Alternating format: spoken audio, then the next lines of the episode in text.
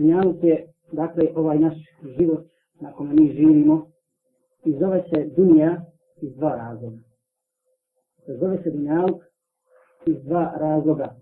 Na arabskom Dunja znači inače nešto što je niži, što je ispod, što je prosto. Dakle, niži je od Ahireta i dolazi prije Ahireta. Zbog toga se zove Dunjaluk. Allah je lešanu mu govori o tome i kaže وَلَلْ آخِرَةُ خَيْرٌ لَكَ مِنَ الْأُولَ Ahiret je za tebe bolji od onog prvog. Šta je prvo? Prvo je dunjaluk. Govori o tome Isu sallallahu alaihi sallam u suri Ad-Duha.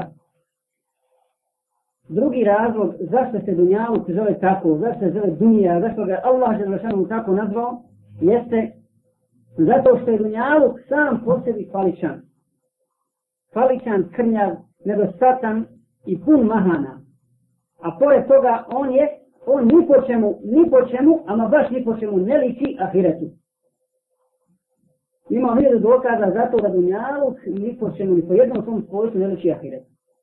A jedan od najboljih dokaza za nas, posljednih hadisa, jeste hadis Rasula sallallahu alaihi wa sallam koji bilježi Ahmed gdje poslani sallallahu alaihi wa sallam kaže mjesto bića jednog od vas u džennetu bolje je od dunjaluka i svega što je na njemu.